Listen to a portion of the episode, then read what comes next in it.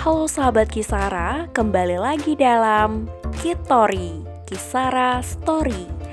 Bersama saya Cynthia Anggreni, kali ini kita akan mendengarkan perbincangan mengenai serba-serbi lupus dan kiat penderita lupus menghadapi COVID-19. Untuk itu, mari kita dengarkan perbincangan berikut ini. Kasih Anda masih bersama kami pendengar di RRI Denpasar Radio Tangga Bencana COVID-19. Jadi lintas waktu sudah menunjukkan 5 menit lepas dari pukul 11 siang waktu Indonesia Tengah dan seperti yang sudah saya sampaikan sebelumnya ya bahwa uh, saatnya Anda untuk mendengarkan uh, acara Ayo Sehat dalam program siaran RRI Denpasar Radio Tangga Bencana COVID-19. Dan untuk edisi hari ini Sabtu 16 Mei 2020 saya uh, berbicara berbicara bersama dengan narasumbernya tidak sendiri karena sudah bersama dengan uh, co-host dari Kisara Bali ada Krisna Wiryantara. Selamat siang Krisna. Selamat siang Kak. Mm-hmm. Bagaimana kabarnya siang hari ini? Semoga sehat ya. Luar biasa. Luar biasa. Sudah luar biasa berarti sehat ya. Iya. iya Oke deh kalau begitu. Semoga memang uh, kita selalu sehat ya. Iya. Dan juga bahagia. Terus uh, bersama-sama kita bisa memerangi um, COVID-19 ini ya. ya. Tapi berbicara tentang COVID-19 ya Krisna ya mm-hmm. di um, situasi situasi seperti ini fokus perhatian kita juga uh, tidak boleh uh, satu apa namanya penuh ya kepada COVID-19 atau pandemi COVID-19 mm -hmm. uh, ini sendiri, mm -hmm. tapi juga harus memberikan atensi atau perhatian kepada uh, salah satu penyakit yang juga memang sudah lama menggerogoti ya, menggerogoti mm -hmm. Indonesia bisa dikatakan ya. Iya, Jadi Kak uh, menggerogoti Indonesia bahkan juga dunia ya, Krisna ya. Mm -hmm. ya Salah satu penyakit itu adalah lupus nih pendengar. Dan uh, berbicara tentang lupus di siang hari ini sampai di menit ke-54 kita akan berbicara uh, mengenai serba-serbi lupus dan kiat penderita lupus menghadapi COVID-19. Bersama saya uh, Ganjali dan juga Krisna selaku co-host dan narasumber. Kami siang hari ini sudah tersambung di ujung telepon dengan uh, Dr. Pande Ketut Kurniari SPPD KR. Kita sapa terlebih dahulu ya, Krisna. Ya. Jadi selamat siang, Dokter. Om Swastiastu. Om Swastiastu, selamat siang. Selamat siang Mbak Ganjali, Dr. Krisna ya, dan para pendengar RRI di mana pun berada. Semoga semuanya sehat-sehat selalu. Astungkara. Terima kasih banyak dokter. Semoga dokter juga selalu sehat dan bahagia, nggih. Iya. Mm-hmm. Oke. Okay. Iya. Hari ini kita bagaimana? Kita akan mengulas tuntas tentang lupus. Iya, benar-benar nih, uh, dokter. Jadi mungkin ada pendengar ya yang masih tabu, masih asing sekali dengan uh, penyakit lupus gitu ya, dokter ya. Iya. Iya, jadi ya, bisa ya, betul sekali Mbak Ganjali. Jadi uh, para pendengar RRI mungkin uh, memang penyakit lupus ini sebetulnya sudah lama sekali ada ya, tetapi e, rupa-rupanya masih banyak yang awam, masih banyak yang e, tidak paham mm-hmm. tentang apa itu lupus. Padahal sebetulnya kalau kita lihat kasusnya semakin banyak dan semakin banyak ya. Oke. Okay. Mm-hmm. Berarti sampai saat ini juga juga masih ada ya dokter ya kasusnya ya? Iya sangat banyak. Uh, kalau oh, dulu sebelumnya orang titik berat kepada penyakit metabolik, penyakit infeksi ya, trennya sekarang justru penyakit-penyakit autoimun, penyakit-penyakit kanker itu semakin meningkat kasusnya. Hal ini disebabkan oleh karena semakin waspada ya para mm-hmm. dokter dan juga para masyarakat sudah mulai paham sebetulnya apa itu penyakit lupus. Baik, Mbak Ganjali di sini saya akan menjelaskan sedikit ya apa itu sebetulnya lupus. Okay. Uh, eh, sekedar mengingatkan saja bahwa mm-hmm. lupus itu sebetulnya penyakit autoimun. Jadi auto itu artinya sendiri, imun itu adalah imunitas kita ya. Jadi autoimun merupakan suatu penyakit di mana sistem kekebalan tubuh kita itu tidak bisa mengenali sel tubuh kita sendiri ya. Di mana seharusnya sistem imun kita mengenali bahwa ada sel yang sehat atau sel milik kita sendiri atau sel tubuh yang asing ya. Jadi inilah yang diserang sehingga seluruh organ tubuh kita bisa terkena lupus. Seperti itu mbak Kandali Oh oke okay. berarti dia menyasar imun ya dokter ya? Iya, iya sistem imunnya hmm. yang mengalami suatu abnormalitas. Oh. Ya, jadi sistem imunnya yang mengalami suatu abnormalitas sehingga dia tidak bisa bekerja secara maksimal untuk hmm. mengatasi yang mana sesungguhnya sel tubuhnya dia sendiri, yang hmm. mana sesungguhnya adalah benda asing dalam tubuhnya. Seperti hmm. itu. Oke. Okay. Nah, kalau uh, uh, kalau kalau misalkan satu lagi nih dokter sebelum saya lempar ke Krisna ya. Kalau penyebabnya sendiri nih dok, apakah memang ada faktor gen dari lahir atau bagaimana dok? Ya, ini banyak sekali pertanyaannya ya. Mhm. Apakah yang menyebabkan lupus? Kalau kita berbicara tentang COVID, jelas sekali ya, itu disebabkan karena virus Mhm. kan begitu. Kalau demam berdarah juga disebabkan karena virus. Tapi pada kasus-kasus autoimun itu penyebabnya bukanlah satu ya. Jadi merupakan interaksi berbagai macam faktor. Memang dari lahir dicurigai ada predisposisi genetik yang kita sebut sebagai HLA-DR 2 dan HLA-DR 3 ya. Tetapi tidak semua orang yang memiliki gangguan pada HLA-DR ini bisa menjadi lupus kalau dia tidak ada interaksi dengan berbagai faktor lingkungan yang lain seperti Hmm. misalnya sinar matahari, paparan sinar matahari loh Mbak sebetulnya juga mencetuskan eh, bangunnya penyakit ini. Ya, kemudian adanya suatu faktor stresor, adanya faktor-faktor infeksi. Nah, Mhm. ini yang akan membangkitkan sistem imun kita sehingga menjadi tidak normal seperti itu. Oke dok, Eh, izin masuk ya dok. Jadi Iya, silakan. eh, tadi dokter sempat menyatakan bahwa sinar matahari bisa menyebabkan lupus. Bisa nggak dok jelaskan kenapa sinar matahari itu bisa me- menyebabkan lupus dok? Eh, coba di, di diperbaiki sedikit ya. Jadi bukan sinar matahari yang menyebabkan lupus ya, tetapi sinar oke. matahari itu dia akan eh, mencetuskan aktivitas daripada lupus. Ya. Hmm. Jadi sebetulnya sinar matahari itu memang bagus untuk kita, tetapi kalau dia terlalu berlebihan dia akan membangunkan ya yang disebut sel-sel dendritik ya.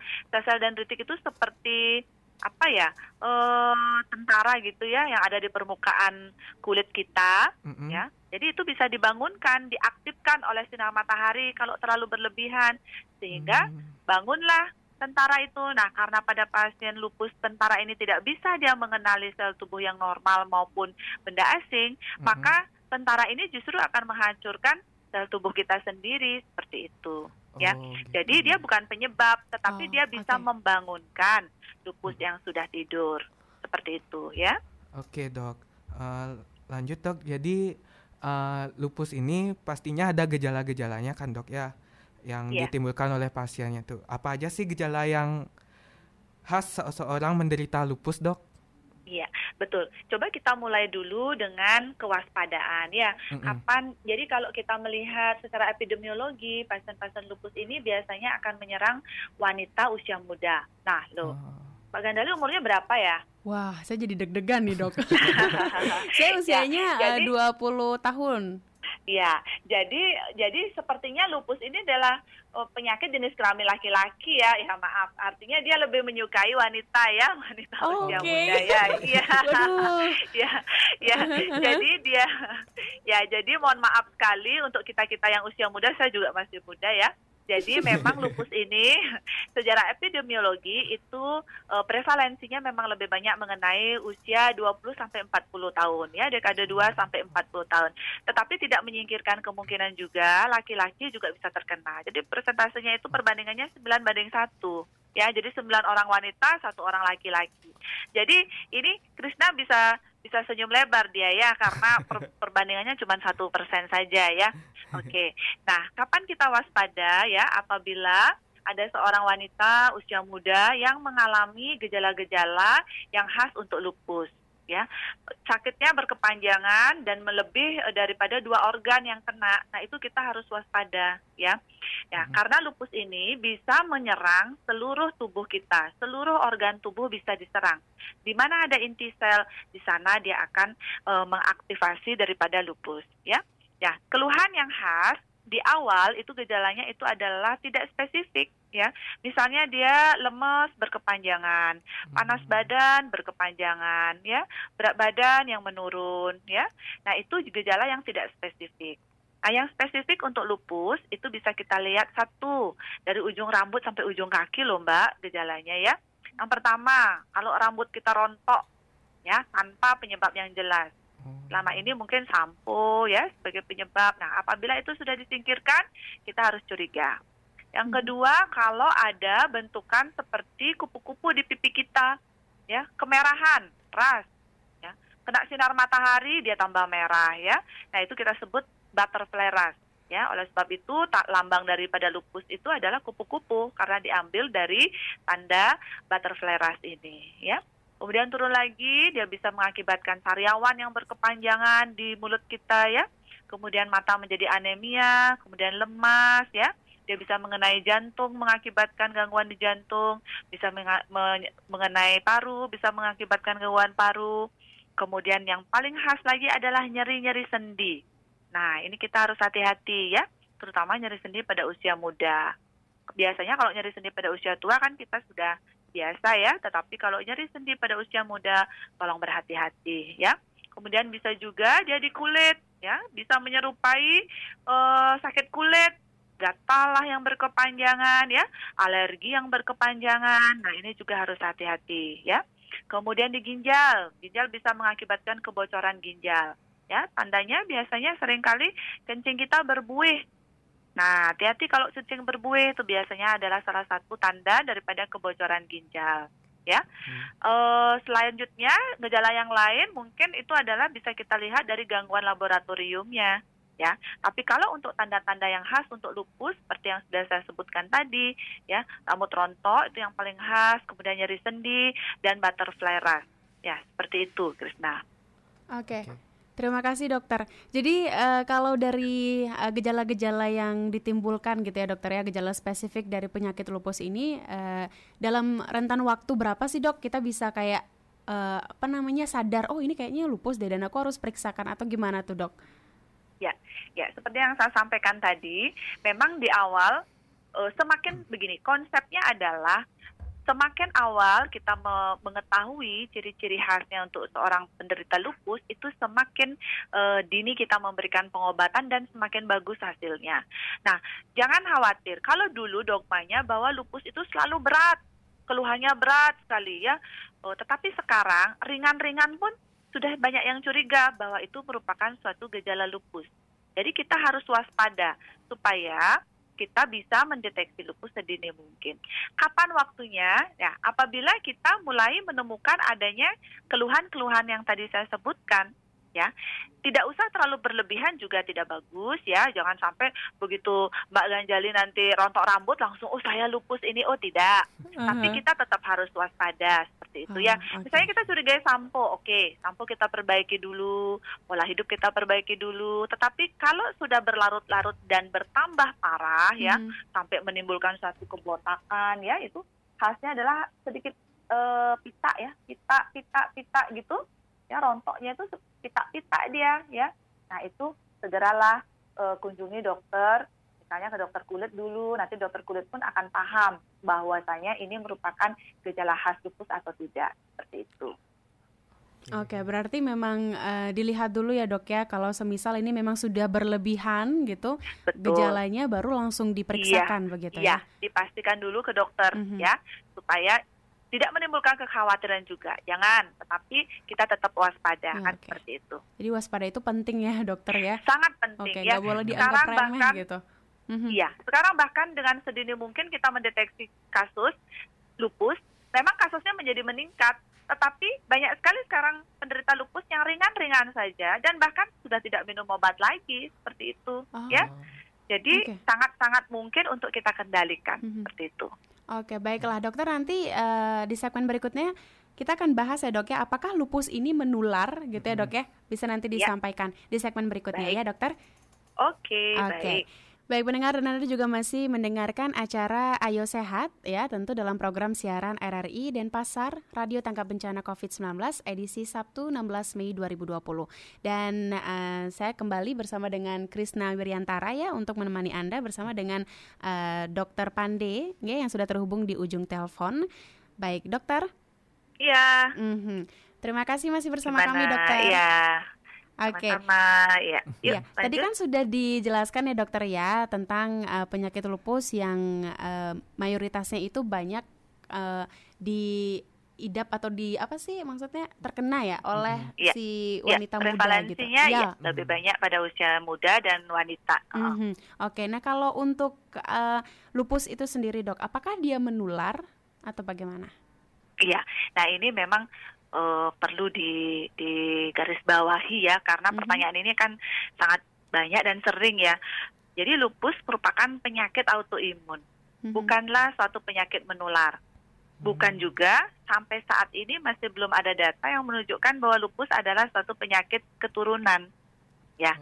jadi jangan dikucilkan penderita lupus itu ya. Ini tidak seperti penyakit-penyakit eh, maaf misalnya TBC, penyakit kusta yang mesti dikucilkan atau eh, apa namanya diisolasi tidak Mhm. seperti itu ya. Jadi lupus ini ya dia bawa sendiri penyakitnya ya. Oh, Jadi tidak ada oke. menular sama sekali ya. Mhm, mhm.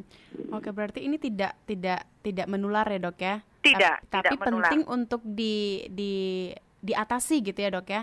Iya, betul. Oke. Jadi ini manifestasinya sekali lagi kadang-kadang dia eh, mimikri ya akan menyerupai jadi dia disebut penyakit seribu wajah karena dia menyerupai penyakit lain ya Hmm. banyak sekali kalau dia kena di kulit sering kali Mhm. dia menyerupai seperti ya eh, gangguan kulit misalnya tampak seperti korengan tampak Oh. mukanya itu kemerahan ya Oke. jadi masyarakat sering menyangkanya itu penyakit menular.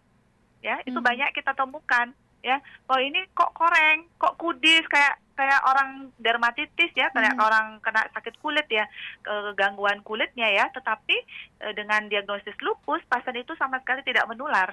Seperti itu ya. Jadi selama ini memang sering seperti itu. Dikiranya itu penyakit kulit yang menular ya. Itu yang yang yang paling sering manifestasi di kulit, tetapi eh, itu bukanlah suatu penyakit yang menular ya. Mhm. Berarti memang ada bentuk fisiknya ya dok ya dari penyakit lupus ini ya? Iya, seperti itu. Oh oke. Oke dok, Eh, tadi kan Ya. sudah dijelaskan nih bahwa lupus itu tidak menular eh, maupun tidak secara genetik Menurun. eh, menurun. Ya. Dan juga da- dokter sudah menjelaskan gejala-gejala khas yang seseorang menderita lupus. Nah, apabila nih dok, saya, saya ternyata ada nih gejala-gejala eh, khas menderita lupus. Apa yang Ya. harus saya lakukan pertama kali dok? Apakah ke dokter atau ke mana gitu dok? Iya, oke. Nah, jadi kalau eh, pemirsa RRI sekalian mengalami suatu gejala yang sudah seperti yang saya sebutkan tadi ya, mungkin setelah mende- mendengar berita ini atau radio ini langsung ke kamar mandi atau ke kaca gitu ya, melihat muka saya oh, merah enggak ya? Saya ya? juga tadi pegang-pegang muka langsung dok. Ah, oke. Rambut saya nih ada botaknya ada rontok enggak nggak ya? Ada Oke. botak Ya, gitu. tapi paling tidak setelah mendengar radio ini kan ada satu pengetahuan Hmm, yang bisa betul, kita betul. jadikan bekal ya. Dan sama benar. seperti kita sadari ya, artinya memegang payudara sendiri. Oh, ternyata nah seperti itu ya. Ya bukan untuk menakuti, bukan juga untuk membuat kita stres tidak. Prinsipnya adalah semakin dini kita mengetahui penyakit apa pun itu, maka semakin dini kita bisa mengobati dan semakin bagus hasilnya. Ya, Mm. itu paling penting untuk dipahami ya. Iya. Jadi, wih dokter masa sih dengan rambut rontok aja saya lupus? Ya, kita kan waspada kan seperti itu ya. Mudah-mudahan sih tidak ya. Iya. Jadi apa yang harus kita lakukan? Yang paling penting pertama tentu saja kita berkonsultasi dengan orang yang tepat dulu ya. Jangan kita berkonsultasi dengan orang yang salah. Misalnya menanyakan misalnya ke internet, ke Google ya. Tetapi kita tidak paham dengan eh, dengan dengan dengan baik itu hati-hati. Boleh saja tetapi kita tidak paham ya, jangan sampai menyesatkan. Nah, Mm-mm. nanti dokter akan melakukan pemeriksaan, baik itu melakukan anamnesis secara lebih jelas atau menanyakan riwayatnya, kemudian melakukan pemeriksaan fisiknya, secara seksama melihat kalau memang dia manifestasi di kulit, ini seperti apa, apakah ini gambaran yang khas untuk lupus, kemudian diperiksa seluruh tubuh dari ujung rambut sampai ujung kaki, kemudian dilakukan beberapa pemeriksaan lab untuk memastikan bahwa memang betul ini merupakan suatu penyakit lupus. Nah, untuk menentukan itu, maka kita eh, dokter itu akan memasukkan ke dalam kriteria diagnostik ya. Jadi kalau memenuhi kriteria diagnostik, maka pasien itu kita sebut sebagai lupus ya. Jadi keluhan klinisnya itu tidak mesti dalam satu waktu, dalam satu satu satu sekali pertemuan itu kita temukan semua, tidak. Mungkin dia dulu pernah ada riwayat rambut rontok misalnya. Nah, itu juga menjadi salah satu kriteria klinis yang bisa mengarahkan kita kuncinya untuk eh, mendiagnosis lupus tersebut. Seperti itu. Oke. Oke. Nah, eh, kalau untuk eh, kasus yang sudah eh, ada nih dok sampai saat ini terkait eh, seseorang yang terinfeksi lupus ini meningkatkah dok atau bagaimana? Iya, sekarang sekarang eh, yang saya perhatikan ya itu kasus-kasus autoimun secara menyeluruh meningkat ya. Mhm. mungkin saja sebetulnya dari dari lama sudah sudah banyak kasusnya ya, tetapi satu tingkat pengetahuan masyarakat, kewaspadaan masyarakat itu masih kurang ya. Yang kedua juga e, perkembangan ilmu pengetahuan ya perkembangan ilmu pengetahuan juga sekarang sudah semakin e, meningkat sehingga screening atau diagnosis lupus itu dibuat sedini mungkin Ya, screening untuk mengetahui kita lupus itu dibuat sedini mungkin sehingga kita mendapatkan penyakit lupus ini dalam keadaan yang seringan-ringannya. Ya, kalau dulu kan hmm. orang kalau disebut penyakit lupus wah sudah tegang duluan ya, sudah waduh saya ini kok penyakitnya berat sekali seperti mm -hmm. itu ya. Tetapi sekarang mungkin uh, Mbak tidak akan pernah menyangka bahwa wanita-wanita yang cantik, yang sehari-hari juga aktivitas biasa itu menderita lupus okay. ya dan sudah banyak juga penderita lupus yang uh, sudah putus dengan obat artinya sudah tidak menggunakan obat mm -hmm. lagi yang itu disebut sebagai remisi artinya penyakitnya sudah sangat sangat tenang dan sama sekali tidak ada aktivitas kembali seperti itu. Mm -hmm. Oke. Okay. Nah, kalau berbicara di situasi seperti ini, Dok, kan sekarang juga lagi merebaknya pandemi COVID-19 ya, Dok ya. Dan ya, betul. dan salah satu kuncinya kita untuk eh, menekan penyebaran COVID-19 kan adalah mempertahankan imunitas tubuh gitu dengan ya, dianjurkan betul, untuk mengkonsumsi vitamin gitu ya, Dok ya, ya untuk betul. tubuh. Nah, kalau betul. penyakit uh, lupus ini sendiri, Dok, apakah uh, ada bentuk vitamin yang yang tidak boleh ya. dikonsumsi ya. atau bagaimana ah, dok? Ya, oke. Okay. Jadi yang mungkin saya harus jelaskan sedikit ya mm-hmm. uh, situasi pandemi ini apa sih sebenarnya efeknya terhadap pasien-pasien lupus seperti itu ya. Mm-hmm. Jadi kita tahu bahwa pasien lupus itu kan ada gangguan daripada sistem imun ya. Nah, sedangkan sistem imun kita ini, sistem kekebalan tubuh kita ini kita perlukan apabila kita ini mengalami suatu infeksi penyakit ya. Jadi eh, kalau kita misalnya terinfeksi ya, terinfeksi oleh penyakit virus atau bakteri apa pun, seorang penderita lupus itu eh, daya tahan tubuhnya dia itu agak terganggu ya disebabkan karena memang kan sistem kekebalannya dia memang sudah terganggu dari awal. Nah, sehingga dia beresiko lebih beresiko untuk mengalami apa gejala yang lebih berat ya. Mm-hmm. ya. Jadi kalau biasanya kita secara normal kan tentara dalam tubuh kita atau sistem kekebalan tubuh kita akan melawan apabila adanya suatu infeksi virus. Tetapi kalau orang lupus, baik itu karena memang dia lupusnya sendiri atau karena dengan obat-obatan yang dia minum yang akan menekan daripada sistem imunitasnya dia sehingga mengakibatkan uh, virus itu akan lebih mudah untuk berkembang biak atau membuat gejala klinisnya itu akan lebih berat seperti itu. Ya, nah itu hmm. yang harus diwaspadai oleh penderita-penderita lupus. Oleh sebab itu eh, tadi Mbak Ganjali menyebutkan apa vitamin yang khusus. Sebetulnya tidak melulu urusannya vitamin saja ya. Hmm. Kiat-kiatnya secara menyeluruh seperti apa ya. Jadi eh, ada delapan hal yang perlu diperhatikan oleh seorang penderita lupus ataupun penderita autoimun yang lain ya bahwa eh, hal-hal e, yang perlu diperhatikan di masa pandemi ini ya. Jadi ikuti tetap anjuran daripada pemerintah yang kemarin sudah disampaikan ya. Tetap gunakan masker ya kemudian cuci tangan ya. Cuci tangannya ya harus yang benar ya. Cuci tangan minimal 60 detik dengan sabun dan air mengalir ya. ya. Kalau tidak tersedia boleh menggunakan hand sanitizer ya. Kemudian hindari memegang wajah, kemudian mulut dan hidung itu hindari karena di situ adalah titik-titiknya virus itu masuk. Mm-hmm. Yang berikutnya harus rajin mendesinfeksi permukaan-permukaan yang bersentuhan ya misalnya gagang pintu ya kemudian meja kursi dan sebagainya itu harus rajin untuk dibersihkan. Hmm. yang kelima itu adalah social distancing. Kalau tidak penting-penting sekali tidak usah keluar ya di hmm. rumah saja ya. Hindari bertemu atau kontak dengan orang lain. Karena kita tidak tahu orang yang mana yang membawa virus dan yang tidak ya. Kalaupun kita harus bepergian jaga jarak. Misalnya kita harus belanja ke minimarket. Kita akan minimal satu meter ya paling aman-aman lah 2 meter kita harus menjaga jarak supaya orang-orang tersebut tidak menularkan kepada kita ya. Kemudian yang berikutnya adalah selalu menjaga uh, gaya hidup yang sehat. Mm-hmm. Ya, gaya hidup yang sehat itu adalah makan makanan yang sehat ya. Mungkin tadi termasuk juga vitamin. Vitamin apa? Secara prinsip sebetulnya vitamin apa saja itu tidak ada superior dan inferior ya vitamin itu sama saja ya. Tetapi vitamin-vitamin yang menjaga supaya kondisi tubuh kita bagus. Misalnya vitamin C itu bagus sekali ya. E, kemudian berikutnya adalah tidur yang cukup. Ini juga penting. Dan yang berikutnya adalah olahraga. Tetap harus olahraga supaya kita menjaga stamina tubuh kita bagus. Dan yang paling penting lagi adalah mengelola stres jangan ikut-ikutan kita panik. Jangan ikut-ikutan kita stres setiap hari kita membaca masalah COVID terus ya. Jadi lama-lama kita stres sendiri ya mendengar di mana-mana bahasanya adalah tentang COVID ya. Oleh sebab itu kita harus kelola kebijakan hobi ya seperti itu supaya kita mendapatkan ketenangan ya. Nah kemudian khusus untuk pasien-pasien uh, autoimun itu adalah lanjutkan obat-obatan yang sering atau yang sudah dikonsumsi. Jangan menghentikan pengobatan tanpa konsultasi terlebih dahulu dengan dokter yang merawat ya wah saya nih kok minum obat-obatan situasi begini nanti daya tahan tubuh saya terganggu dan segala macam. Tidak.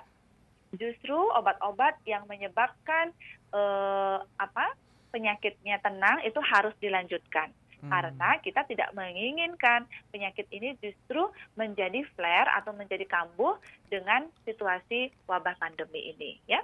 Kemudian yang berikutnya yang paling terakhir adalah apa pun keluhannya sebaiknya konsultasikan dengan dokter.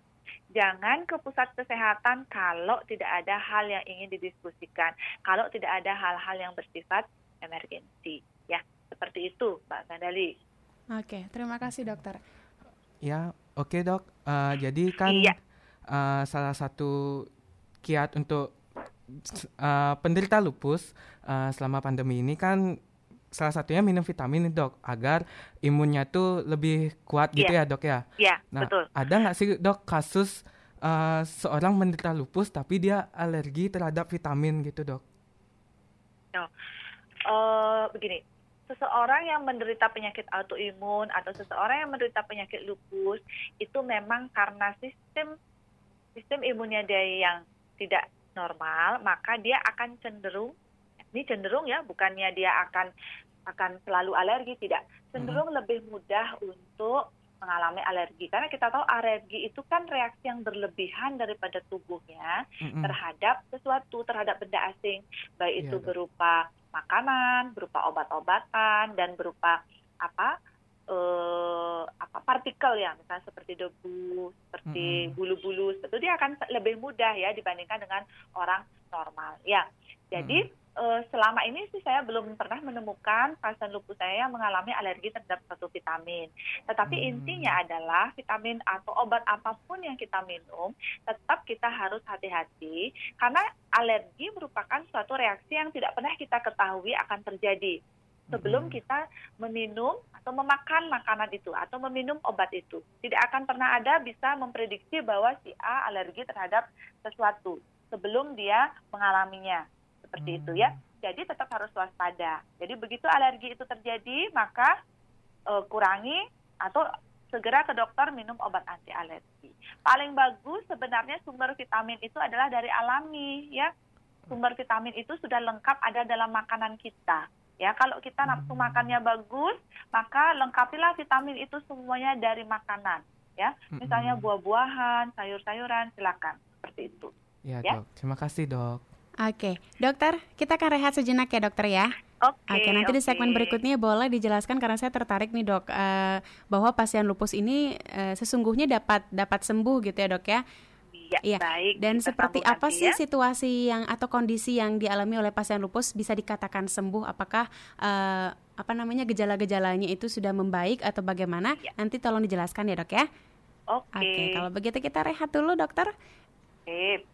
Baik, terima kasih pendengar untuk Anda yang masih bersama kami melalui FM 88,6, 95,3, 99,5, 100,9 dan juga untuk Anda yang masih bersama kami melalui streaming di aplikasi RRI Playco dan untuk Anda yang juga masih bersama kami melalui laman melalui streaming di laman kami di www.rri.co.id. Baik, Krisna, Uh, kembali ya, kita di acara Ayo Sehat dalam program siaran RRI dan Pasar Radio Tangkap Bencana COVID-19 dan ya. juga bersama dengan Dokter Pande. Baik dokter. Oke, okay, yuk mm-hmm. kita join lagi. Oke, okay, bisa langsung ditanggapi ya dokter ya, bagaimana oh, iya, yang tadi ya? Uh, uh, uh, pasien yang yeah. sembuh dari lupus itu uh, bisa dikatakan lepas dari uh, obat yang dikonsumsi, begitu ya dok ya? Iya, iya baik. Jadi uh, pendengar RRI sekalian bahwa jangan jangan stres atau jangan panik apabila ada saudara atau bahkan diri diri sendiri ya yang menderita lupus ya. Jadi lupus ini adalah penyakit ya memang istilahnya bukan sembuh, tetapi apabila dia diobati dengan teratur ya, dia bisa terkontrol penyakit ini yang kita sebut sebagai remisi. Remisi artinya bahwa aktivitas penyakit ini sudah sangat-sangat minimal atau bahkan tidak ada. Ya. Jadi pada kasus-kasus autoimun kita tidak mengenal istilah sembuh, tetapi istilahnya adalah remisi di mana penyakit ini tenang, baik itu dengan obat maupun tanpa obat harapan kita sebetulnya tanpa obat. Jadi tanpa obat, keluhan klinisnya tidak ada dan hasil laboratoriumnya juga normal ya. Itu yang kita sebut sebagai remisi komplit. Sedangkan kalau remisi parsial dia masih dengan obat tetapi keluhan klinisnya sudah tidak ada dan e, lab-labnya juga sudah normal. Tapi dia masih menggunakan obat-obatan walaupun minimal. Seperti itu. Oke. Okay. Berarti uh melihat dari gejalanya juga ya dok ya sebenarnya sesungguhnya kalau penyakit lupus ini tuh tidak ada kategori dalam artian sembuh gitu ya dok ya tapi remisi iya. atau tenang begitu ya iya betul oh, oleh sebab itu okay. makin dini kita temukan jadi mm -hmm. kalau kita mengobati lupus itu tergantung dari kategori organ mana yang kena mbak mm -hmm. ya jadi apakah dia ringan atau sedang atau berat itu tergantung dari organ tubuh okay. kita yang kena. Misalnya, hal kalau hanya rambut-rambut rontok, kalau hanya nyeri-nyeri sendi, itu kategori ringan. Hmm. Ya, jadi semakin ringan, semakin dini kita menemukan kasus lupus, maka kemungkinan dia untuk kembali ke sistem imun yang normal akan semakin besar. Oh. Jadi konsep pengobatan kita itu okay. bukanlah kita membunuh sistem imunnya tidak, tetapi kita mengembalikan bagaimana mengembalikan sistem imunitas kita menjadi normal kembali. Jadi konsep pengobatannya seperti itu. Jadi apabila sistem imun kita sudah normal tanpa obat, pada saat itulah yang kita sebut sebagai remisi seperti itu. Oke, okay, baik. Terima kasih dokter. Selanjutnya Krisna. Uh, Oke okay, dok. Jadi kan uh, ada istilah remisi penyakit tenang nih dok. Nah kalau sistem imun kita tuh udah normal kembali, apakah bisa lagi dok uh, timbul gejala-gejala lupus tersebut dok setelah nah, penyakit tenang itu? Ya, betul. Ini yang penting sekali ya untuk sahabat-sahabat Odapus, Odamun semuanya bahwa kita tetap tidak boleh lengah ya. Apabila lupus itu sudah terkendali, sudah remisi, kita sudah tidak menggunakan obat lagi, kita harus tetap waspada ya. Karena apabila muncul apabila ada pencetus, maka lupus ini bisa bangun lagi, aktif lagi oh. istilahnya ya. Jadi istilahnya itu adalah dia bisa tidak aktif, bisa aktif ya. Hmm. Sehingga aktif ataupun tidak aktifnya ini sebetulnya kembali lagi kepada masing-masing penderita, masing-masing pasien. Nah, kalau misalnya Krisna menderita lupus, kalau mau aktif penyakitnya, silakan berjemur aja di bawah sinar matahari. Aktiflah lagi penyakitnya. Tetapi kalau hmm. kita ingin penyakit ini menjadi tenang, kita harus mengikuti rambu-rambunya, ya. Hmm. Tetap waspada terhadap rambu-rambunya, ya. Nah, rambu-rambunya ini apa? Ini yang perlu dipahami oleh setiap penderita lupus. Apakah hal-hal yang menyebabkan lupus itu bangun? Ini yang paling penting untuk pasien-pasien yang sudah tenang, yang sudah remisi. Hmm. Satu yang paling penting adalah hindari stres. Ya, hmm. stres adalah salah satu pemicu bangunnya kembali penyakit lupus yang sudah tidak aktif. Ya. Kemudian yang kedua, hindari terpapar sinar matahari secara langsung ya. Jadi bukan berarti tidak boleh keluar rumah ya, boleh silakan, tapi harus selalu melindungi diri. Gunakanlah sunblock, gunakanlah topi ya, tidak boleh terpapar secara langsung dengan sinar matahari. Dan yang ketiga paling penting adalah hindari infeksi ya, karena infeksi ini juga akan membangunkan sistem imun kita yang sudah diam. Ya, akan bangun lagi, aktif lagi, kemudian bangunlah si lupus ini. Jadi bagaimana kita mencegah supaya tidak terjadi infeksi? Ya, kita harus hati-hati bertemu dengan orang, jaga selalu kebersihan, jaga selalu pola hidup yang sehat seperti yang sudah saya sampaikan tadi. Ya, jadi eh, sekali lagi saya ingin sampaikan bahwa walaupun penyakit ini tidak sembuh, walaupun dia itu adalah penyakit yang sifatnya adalah remisi atau dapat dijadikan tidak aktif, tetapi suatu waktu dia bisa aktif kembali apabila dibangunkan, apabila dicetuskan oleh apa? Oleh hal-hal yang saya sebutkan tadi, stresor, kemudian sinar matahari, dan juga oleh karena stres uh, infeksi tadi, seperti itu. Oh, oke okay, dok. Berarti penyakit lupus ini bisa dibilang reversible gitu ya dok ya? Iya, Karena betul jadi bisa dia, bangun, bisa dia, tenang lagi iya, gitu. betul. Iya, betul. Dia kita kita sebut sebagai flare, istilahnya adalah flare. Jadi oh. penyakit yang sudah tidak aktif jadi aktif kembali itu kita sebut sebagai flare. Oke, Dok. Nah, lanjut, Dok. Kan tadi dokter sempat bilang jika timbul gejala harus melakukan konsultasi dengan orang yang tepat, seperti dokter atau segala atau sebagainya. Nah, di tengah pandemi ini kan kita nggak boleh keluar rumah ya dok ya. Dan juga yeah. rumah sakit pun bisa dibilang sedikit rawan karena akibat pandemi ini. Ya. Nah, bagaimana caranya supaya kita bisa melakukan konsultasi, Dok? Apakah bisa melalui via telepon, WhatsApp, web atau bagaimana, Dok? Iya, betul. Nah, ini juga merupakan salah satu dalam rangka mensosialisasikan kepada masyarakat ataupun kepada penderita lupus yang sudah uh, kontrol rutin ya, rutin ya. Ya, ini kita dalam rangka World Lupus Day, kemudian World uh, Arthritis Day ya. Uh, saya uh, dari persatuan atau perhimpunan dokter penyakit dalam seluruh Indonesia cabang Bali mm-hmm. dan juga perhimpunan ahli reumatologi Indonesia cabang Bali ya. Ini juga mm-hmm. kita mensosialisasikan bagaimana uh, masyarakat-masyarakat yang memerlukan konsultasi ya. Jadi kita persilahkan itu menggunakan telepon. Sarana prasarana teknologi silakan digunakan ya. Mm-hmm. Dengan WA silakan sepanjang sepanjang ini ya keluhan itu bersifat ringan dan tidak ada hal-hal emergensi yang harus diputuskan oleh seorang dokter. Hmm, ya, jadi kalau keluhan kemudian yang berikutnya kalau keluhannya berat maka mau tidak mau buatlah perjanjian dengan dokternya dulu ya hmm. kapan bisa bertemu dan di mana bisa bertemu kemudian juga jam berapa sehingga okay. menghindari satu waktu kontak yang lama di rumah sakit ya uh, apa ngantre seperti itu kita hindari ya hmm. begitu langsung begitu datang ke rumah sakit atau ke praktek dokter bisa segera dilakukan pemeriksaan kemudian bisa dilakukan pemberian pengobatan dan langsung bisa pulang sehingga waktu hmm. yang diperlukan sangat sedikit. Nah kalau hmm. misalnya masih tenang dan tidak ada keluhan yang berat maka bisa berkonsultasi lewat uh, WA atau lewat telepon, silakan saja seperti itu. Nah, sekarang juga lagi dikembangkan telemedicine ya. Jadi melalui web atau melalui video call itu pasien bisa melakukan konsultasi dengan dokternya ya, oh. ya tanpa mengurangi kaedah-kaedah uh, apa urutan-urutan daripada pemeriksaan. Semaksimalnya yang bisa dikerjakan oleh seorang dokter melalui telemedicine ini. Nah, apabila memang sangat diperlukan untuk pemeriksaan secara langsung, maka seperti yang saya sampaikan tadi, buatlah appointment jam berapa, di mana ya, sehingga betul-betul efektif pada saat datang ke rumah sakit tersebut. Jadi gunakan dulu lah fasilitas-fasilitas teknologi yang sudah kita uh, uh, punyai. Oke. Okay.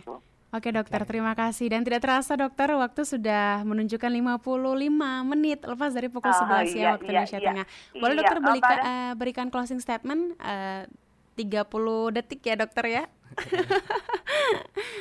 Apanya? Closing statement dari obrolan kita hari ini oh, dokter ya, untuk pesan-pesan okay, okay, kepada ya. pendengar RRI. Silakan dokter. Baik, baik. Jadi pesan saya bahwa uh, deteksi dini atau kewaspadaan terhadap lupus itu sangat penting. Itu paling paling yang ingin saya garis bawahi. Semakin dini kita menemukan kasus lupus, ya, semakin dini, semakin awal kita mengobatinya, maka kemungkinan untuk baik atau prognosisnya baik itu semakin besar, ya. Keberhasilan pengobatan akan semakin bagus dan kualitas hidup seorang penderita lupus juga semakin bagus dengan semakin dini atau semakin awal kita memberikan pengobatan. Kemudian yang kedua adalah di tengah pandemi ini, saya harapkan masyarakat dan khususnya penderita lupus ataupun penderita autoimun yang lain jangan panik ya. Sama saja aturannya berlaku untuk semua orang, baik itu usaha pencegahan, pengobatan untuk kasus-kasus COVID itu sama saja. Jadi lakukan semaksimal mampu kita lakukan, ikuti aturan pemerintah, jangan stres, jangan panik, ya, tetap tenang seperti itu, sehingga eh, apa namanya penyakit yang sudah diderita, artinya lupus yang sudah diderita itu juga tidak ikut-ikutan bangun, ya. Jadi dengan tidak bangunnya lupus itu, maka kondisi tubuh kita akan bagus, justru kita akan lebih baik untuk menghadapi COVID ini. Mungkin seperti itu saran-saran dari saya. Baik, terima kasih banyak dokter. Sama-sama. Iya. Selamat beraktivitas kembali di akhir pekan ini ya dokter ya. Iya. Soha dokter Terima selalu- kasih Mbak Iya. Ganjali, Mhm. Mbak eh, Krisna juga ya. Terima kasih, terima, Terima kasih atas undangannya. Mudah-mudahan sosialisasi ini sangat bermanfaat untuk masyarakat dan juga untuk sahabat-sahabat Iya. Udapus sekalian. Betul sekali. Selamat siang. Baik, selamat siang dokter.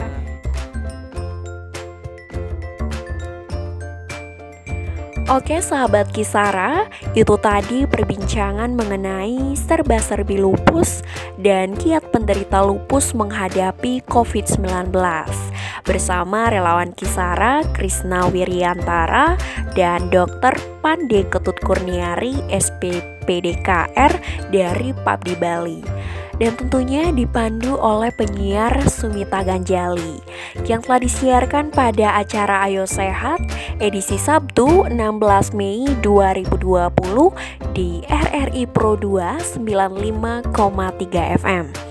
Nah, sahabat Kisara, tertarik dengan isu-isu kesehatan remaja lainnya? Jangan lupa pantengin terus podcast kita dan follow Instagram kita di @kisara_bali. Viva Youth, Viva Kisara.